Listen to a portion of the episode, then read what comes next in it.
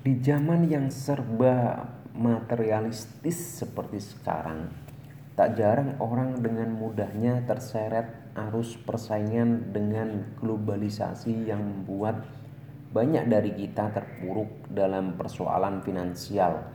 Sulitnya hidup di era yang serba mahal memaksa sebagian orang untuk mencari pinjaman dan berakhir terlilit hutang dalam jumlah besar.